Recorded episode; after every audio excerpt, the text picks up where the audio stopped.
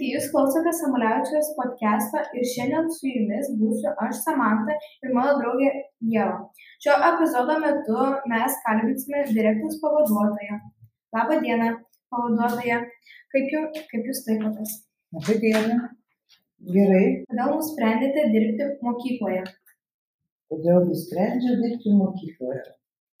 Aš net nežinau, kodėl taip nusprendžiau. Aš kiek save prisimenu, visą laiką norėjau dirbti mokykloje dar kai buvau pati, net nejau mokyklą, jau mokiau lėlės, paskui mokiau kiemo vaikus, paskui mokiau klasės draugės, paskui jaunesnius vaikus ir kažkaip tai, kai baigiau mokyklą, tai net mano klasiokam visiems buvo aišku, kad, kad jau mano tas kelias bus toksai, nors labai blaškiausi iš tikrųjų, blaškiausi dviejopai, taip, nes labai gerai sekėsi lietuvių kalba, nu, ir istorija, aišku, gerai sekėsi, ir kiti dalykai gerai sekėsi.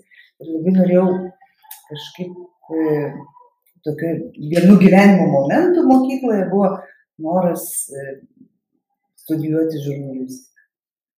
Bet paskui gal įsigandau truputį, konkursas labai didelis buvo, o gal nugalėjo tas noras dirbti mokytoją, nežinau. Kiek metų dirbate mokykloje?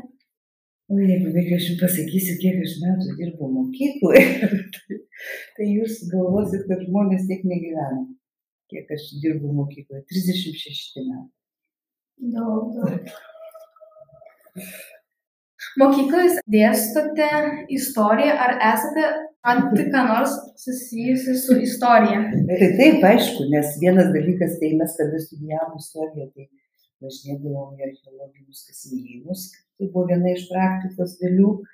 Antras dalykas, mano brolis yra archeologas, tai man ir su mokiniais teko prisiprašyti, kad ir mus priimtų dar kai buvau jaunesnė į archeologinės ekspedicijas, tai jo, kabinete turiu akmeninį kirvuką, kurį pati radau. O dar tai visokių kitokių koklių, Dar teko man dirbti Vilniuje kultūros paveldo apsaugos inspekcijoje, tai mes irgi ten labai daug ieškų visokių dalykų tyrinėjom, ieškom, kad tikrai esu čiupinėjus tą tikrą istoriją. Į kokį istorinį įvykį norėtumėte nusikelti, kodėl? Bet šiandien pagalvojau, tikrai, kiek daug istorinių įvykių per tą visą laikmetį buvo.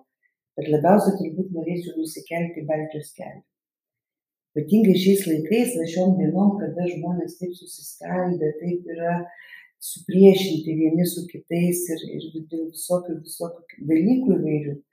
Tai vat, pajusti vėl tą elektrą, kada žmonės stovėjo, tikrai visa Lietuva praktiškai stovėjo Baltijos keli, susikibę rankomis ir, ir, ir tarsi elektra, ta pati, ta pati srovė tekėjo visų širdim ir, ir rankom ir, ir tą jausmą vėl pajusti, tai labai norėčiau. Kokią istorinę paslaptį norėtumėte sužinoti? Irgi tų paslapčių daug, visokių daug ir apie gintaro kambarį norėčiau sužinoti, kur jisai ten dingęs yra. Bet labiausiai visą laiką mane intriguoja ir labai domiuosi apie turino drobulę.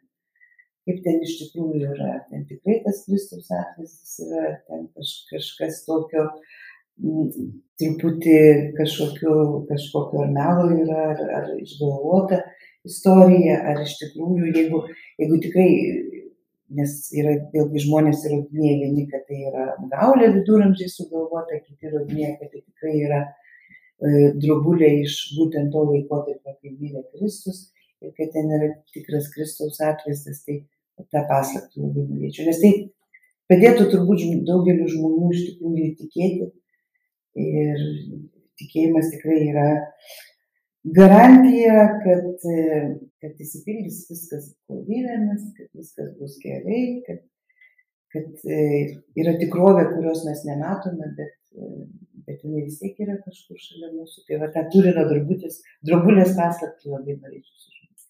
Kaip sekasi sudrausminti vaikus per pamokas, kokius patarimus galite duoti mokytojams? Normaliai visko būna, aišku, kaip ir visiems mokytojams turbūt problemų, bet e, tikrai per tiek metų, va, tuos, kur įvardinau pirmai tuos metus, daug, daug, kiek aš dirbu, visko buvo, ir ašarų buvo, ir verkiau, ir nesisekė, ir pergalvodavau, ir naktim nemiegodavau. Ir galų galę supratau, ir, ir galėčiau patarti ir kitiems mokytojams, kad jeigu nėra kontakto su mokiniais, normalaus pagarbaus ryšio iš abiejų pusių, e, reikės drausti visą laiką. O, jeigu yra kontaktas, tai jeigu yra pagarba vaikui, koks jis bebūtų, ir, ir tada atsiranda abipusė pagarba ir drausmės problemos, tada jos pasidaro daug menkesnės. Kaip suderinate du darbus - direktoriaus pavaduotojo ugdymui ir istorijos mokytojos, ar susidūrėte su problemomis kokiamis? Nu, tai taip, aišku. Aišku, susidūriau su problemomis, laiko labai trūksta. Aš jam, pavyzdžiui, neturiu pamokų visai, nes šiaip visas dienas turiu.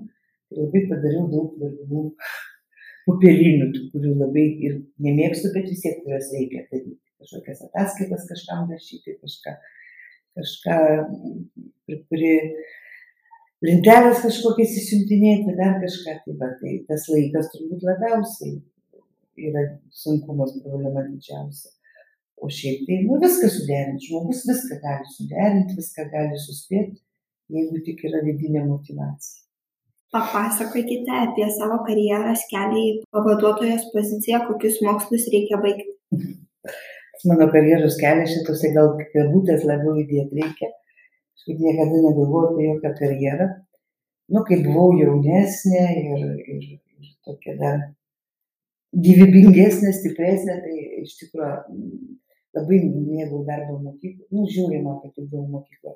Ar vieną kartą man vienas vaikas pasakė, kažkada dar labai seniai, ten dar, sako, jūs turbūt palaidos ten mokyklos kieme. Nes iš tikrųjų prisigalvodom su vaikais visokių dalykų, laikraščius leisdavom ir, ir, ir visur dalyvaudavau projektuose ir pati rašydavau. Ir, nu tikrai, nu, ne dėl to, kad reikia, bet dėl to, kad įdomu. Nu ir kažkaip tas direktorius, šią mūsų pavaduotoja, buvo kita. Ir dabar mes esame dvi, bet buvo, buvo kita pavaduotoja. Ir jinai išėjo į politiką, išėjo į kitą darbą. Nu ir tiesiog direktorius pasikvietė ir pasakė, būsi pavaduotojas ir viskas. Nu ir tokia karjera, verkiau pusę dienos, paskui visą rugsėjo pirmą dieną praverkiau, bet neturėjau pirmosios klasės.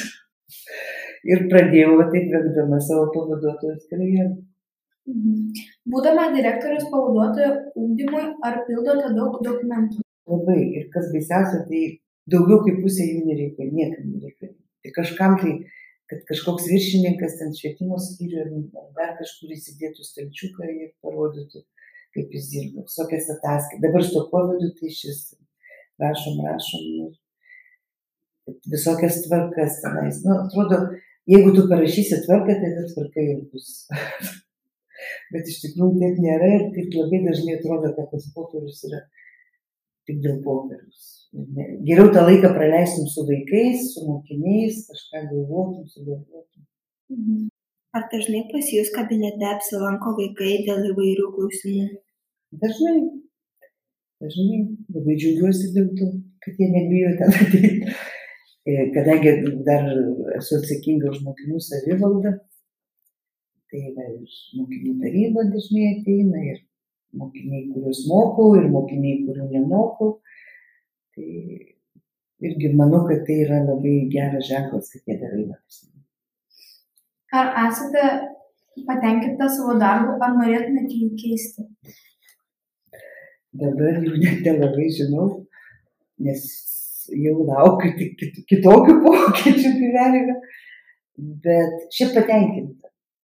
Ko gero, ko gero, bet taip tikrai sažiningai sakau, kad nu, gal kokius keturis kartus per tuos 36 metus esu pagalvojus, o durne, galėjau dirbti ten kultūros paveldo apsaugos inspekcijoje ar su archeologais kur nors, bet e, pasirinkau mokyklą. Bet, sakau, buvo kokie keturi kartai.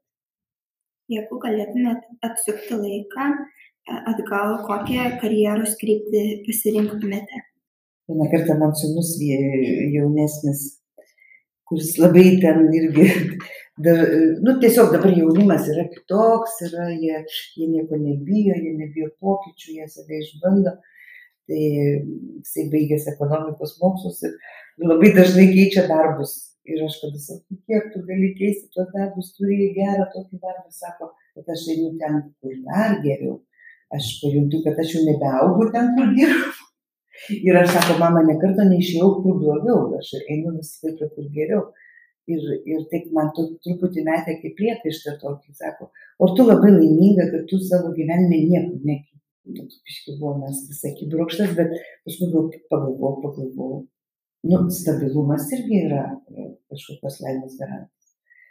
Tai vadinasi gerai, jeigu nieko neįgyti. Ir turime papildomą klausimą, filosofinį. Kokia gyvenimo prasmė? Gyventi. Jeigu pradėsi ieškoti prasmės, neturėsi laiko gyventi. Ačiū Jums už pokalbį.